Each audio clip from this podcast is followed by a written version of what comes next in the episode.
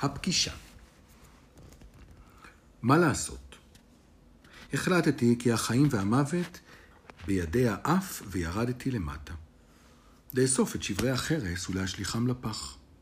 עליכם לדעת, ביתנו בית גדול ומספר הדירות בו רב, וכמספר הדירות מספר הפחים, והפחים גדולים וגבוהים, והם עומדים צפופים. ומה נמצא מאחורי הפחים לא ידעתי. מעולם לא הסתכלתי במה שמאחורי הפחים. עד אותו יום לא הסתכלתי, עד שקרה אותי מקרה אשר הכרחני להסתכל. ובכן, אספתי את שברי החרס ונפגש, וניגשתי לפחים לזרוק אותם.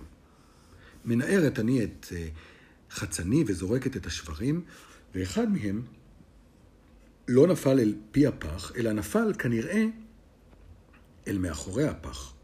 ומאחורי הפח נשמע קול של ילד. היי, hey, גברת, הביטי לאן את זורקת את הסחורה שלך. אותו רגע, בפעם הראשונה בימי חיי, הסתכלתי אל מאחורי הפחים.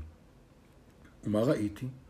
ראיתי ילד שוכב ברקדן על האדמה, ילד כבן עשר, ראשו פרוע ורגליו יחפות, ושרוכי נעליים קשורים לו בחבל על חזהו. ועוד הספקתי לראות עיני הילד שחורות וגדולות ויפות מאוד. מה אתה עושה כאן? שאלתי. מה אכפת לך?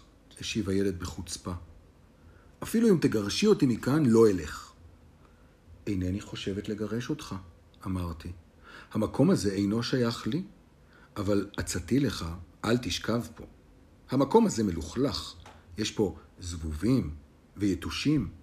זה יזיק לבריאותך. אל תדאגי לי, אמר הילד והתיישב. מוטב שתכניסי לך שיניים אל הפה. נו, מה את מביטה בי? מה, מה, אני דוב? לא, אתה רק ילד חצוף. אלא שרציתי לשאול אותך, האכלת כבר ארוחת בוקר? עניין גדול, ארוחת בוקר, אמר בבוז, אבל עיניו היו עצובות. ואם עניין קטן הוא, האם קטן הוא מכפי שתשיב לי כהלכה על שאלתי, גערתי בו? עכשיו הוא עמד. לא אכלתי. ובכן מה? השיב. ובכן, חושבת אני כי מותר לי להזמינך אליי שתאכל איתי ארוחת בוקר, אמרתי. מה את נטפלת אליי? רגז הילד. אינני מבקש נדבות. הזמנה איננה נדבה, השיבותי בשקט. מותר לי להזמין אורח אל ביתי, ומלבד זאת, אם תרצה, תשלם לי בשני זוגות משרוכי הנעליים שלך. עכשיו הם סחורה נדירה, סחורה נדירה ויקרה.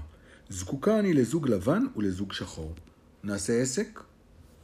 הילד הוציא מצרורו שני זוגות צרוכים, כפי שביקשתיו, מסרם לידיי, הרכין את ראשו והלך אחריי.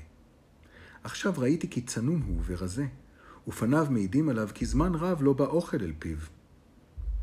עיניו הבריקו מתחת לגבותיו השחורות ולמצח השזוף העקשני.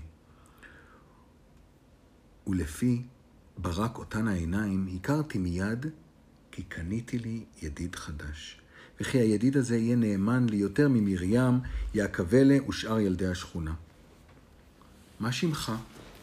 שאלתי את הילד בעלותינו במדרגות. ניסים, השיב הילד. כך הכרתי את ניסים. כשהגשתי אל השולחן קפה ולחמניות בחמאה וגבינה וריבה, אורו עיניו של ניסים, אבל הוא אכל לאט ובזהירות, כמי שרעב מאוד ומתאמץ לכסות על רעבונו, שלא לגלות כמה ציפה לארוחה צנועה זאת. הוא שתק. מזגתי את המשקה החם לתוך הספל שלו, מזגתי והתעטשתי. הדסה קופת חולים. מה אתה אומר? השתוממתי. ולמה צריך להגיד דווקא אסותא? השיב ניסים בשאלה. אצלנו אומרים, הדסה קופת חולים. אמר וצחק. צחקתי אף אני. אסביר לכם, ילדים, רגע, שהדסה וקופת חולים הם מוסדות בריאות, ואסותא, זה אומר לבריאות, קריאת ברכה למי שמתעטש, וגם שם של בית חולים. ומה אומרים אצלכם במקום שלום? התעניינתי. סתם קשקוש, השיב ניסים בחשיבות, ושוב פרץ בצחוק. מה אתה צוחק? שאלתי. הוא העיף בי מבט הססני, אך לבסוף כנראה גמר בליבו שמותר להגיד לי את הכל. כשראיתי אותך, אמר, חשבתי שאת מכשפה זקנה. אבל את חברמנית, מאה אחוז. הייתה זו המחמאה הגדולה ביותר שזכיתי בה בימי חיי.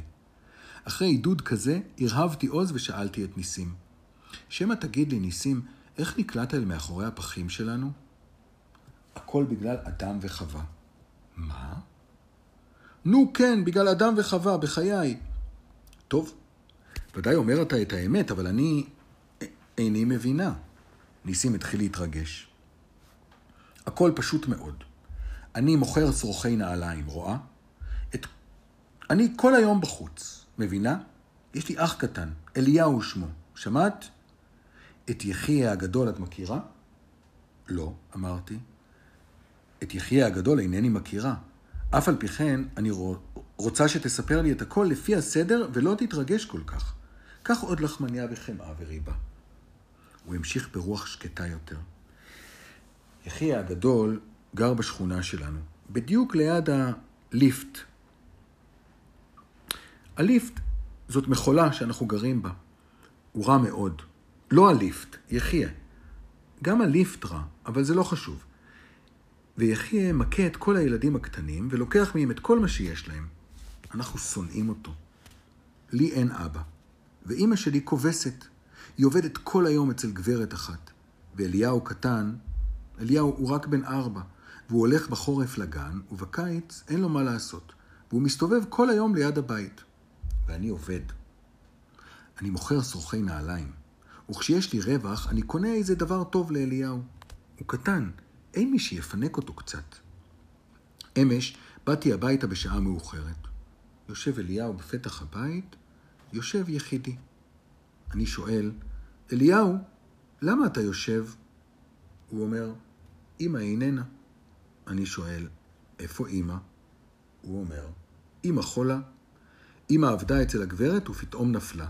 ופתאום נזל דם, ופתאום באו ממגן דוד אדום, ופתאום הביאו אותה באוטו, באוטו לבן עם מגן דוד אדום, להדסה. והוא בוכה. ומה אמרה אמא? שאלתי. לא אמרה, הוא עונה.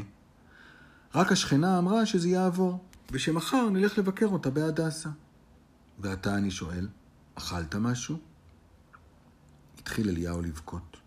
לא אכלתי, לא אכלתי, אני רוצה לאכול. ואיפה התפוח שהבאתי לך אתמול? אני שואל.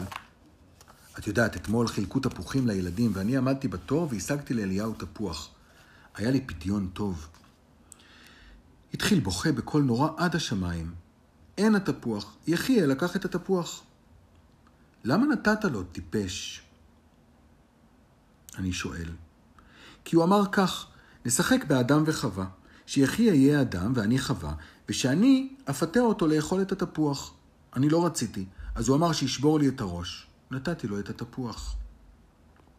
כעסתי מאוד על יחיה שהוא מרמה ילדים קטנים ולוקח מהם את הכל.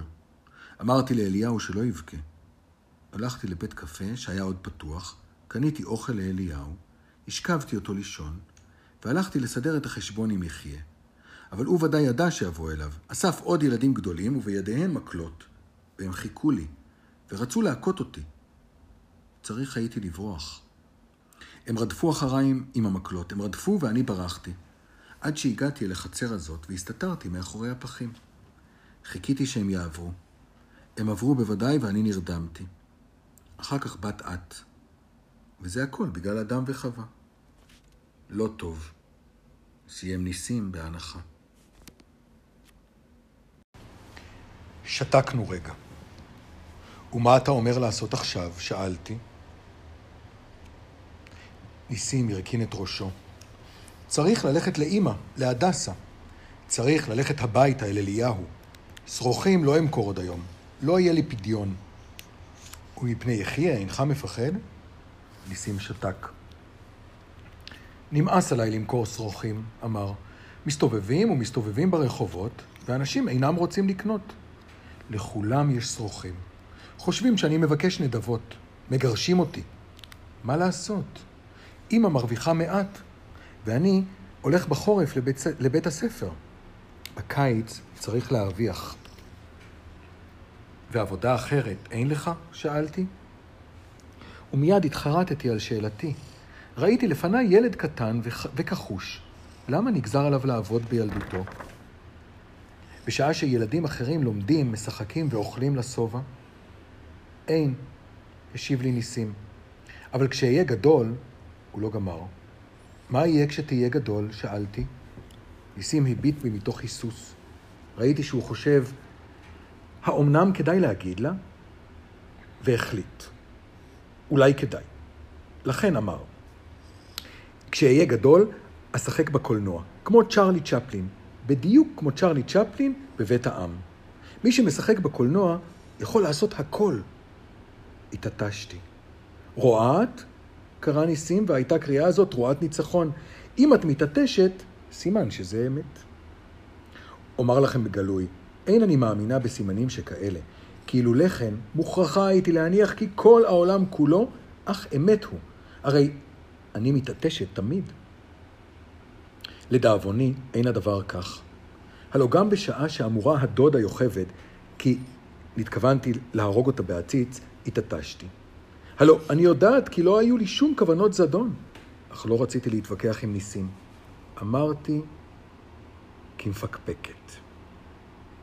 היודע את הניסים, לא כל אדם יכול להיות שחקן גדול כמו צ'רלי צ'פלין. אז קצת יותר קטן, הוריד ניסים מן המחיר. אף יותר קטן ואפילו הרבה יותר קטן, לא כל אדם יכול להיות. כי צריך לדעת הרבה דברים, וצריך ללמוד הרבה ולעבור דרך ארוכה של עבודה, עד שאדם מגיע לבמה גדולה או לקולנוע. ומלבד זאת, דרוש כישרון. מה זה כישרון? שאל ניסים. שהקשיב בפה פעור לדבריי. כישרון הוא דבר שכזה. דבר שכזה, נתקשיתי להסביר. כשיש לאדם סגולות מיוחדות המתאימות לעבודה שהוא בוחר בה. ניסים נאנח.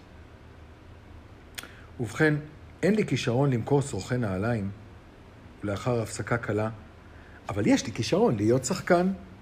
מנין לך? אני יודע לחקות את כל החיות. רוצה לשמוע? ובטרם מספיק להשיב, החל נוער כחמור, פועה ככבשה, קורא כתרנגול, צוהל כסוס, מיילל כתן ומצפצף כאפרוח. כהרף עין הפך חדרי להיות ביבר שלם. גן חיות, משמעו כפשוטו. בתחילה נדהמתי, אבל מיד כבש אותי כוח החיקוי של ניסים, ואני צחקתי מקרב לב. צחקתי והתעטשתי בנחת. ניסים גמר את הצגתו, ואני מחאתי כף. עיני ניסים הבריקו. את יודעת מה עוד אני יכול? ובן רגע הופיע בידיו מפוחית פה קטנה, והוא הגיש אותה לשפתיו. חדרי נתמלא צלילי שירים ערבים ויפים, עליזים ועצובים, שירי הארץ ושירי הגולה. ליבי הלך אחרי המנגינה. כשגמר ניסים את הקונצרט, לחצתי את ידו הקטנה והשזופה. באמת, ניסים, נכונה לי להאמין כי עתיד אתה להיות איש גדול. אמרתי שאת חברמנית? אמר ניסים בשמחה. אולם מיד כבתה אש בעיניו המבריקות. אבל מה לעשות עכשיו? עכשיו, אמרתי, לך אל אמא ואל אליהו. ומחר, מחר שוב לרוץ ברחובות ושוב למכור שרוכים. קדרו פניו של ניסים, אשר כאילו זה עתה חזר מעולם חלומותיו, מעולם הקולנוע. יודע אתה, אמרתי, מחר תשוב אליי. עד מחר אני אחשוב. אולי נמצא דרך. תחשבי, הסכים ניסים. אולי יסתדר אצלך דבר מה בראש. אני חושב וחושב ולא יוצא לי כלום. אבל תבטיח לי כי תשוב, דרשתי בתוקף, ואני מבטיחה לחשוב. הוא הבטיח. עטפתי כמה לחמניות בנייר, גם קצת שוקולדה, והוספתי עליהן, זאת, אמרתי, תביא לאליהו. ניסים לקח, הודה והלך. הבטתי בו בחלוני כשהוא יוצא את השכונה. הוא נפנף לי בידו. על כן, ידעתי כי ישוב.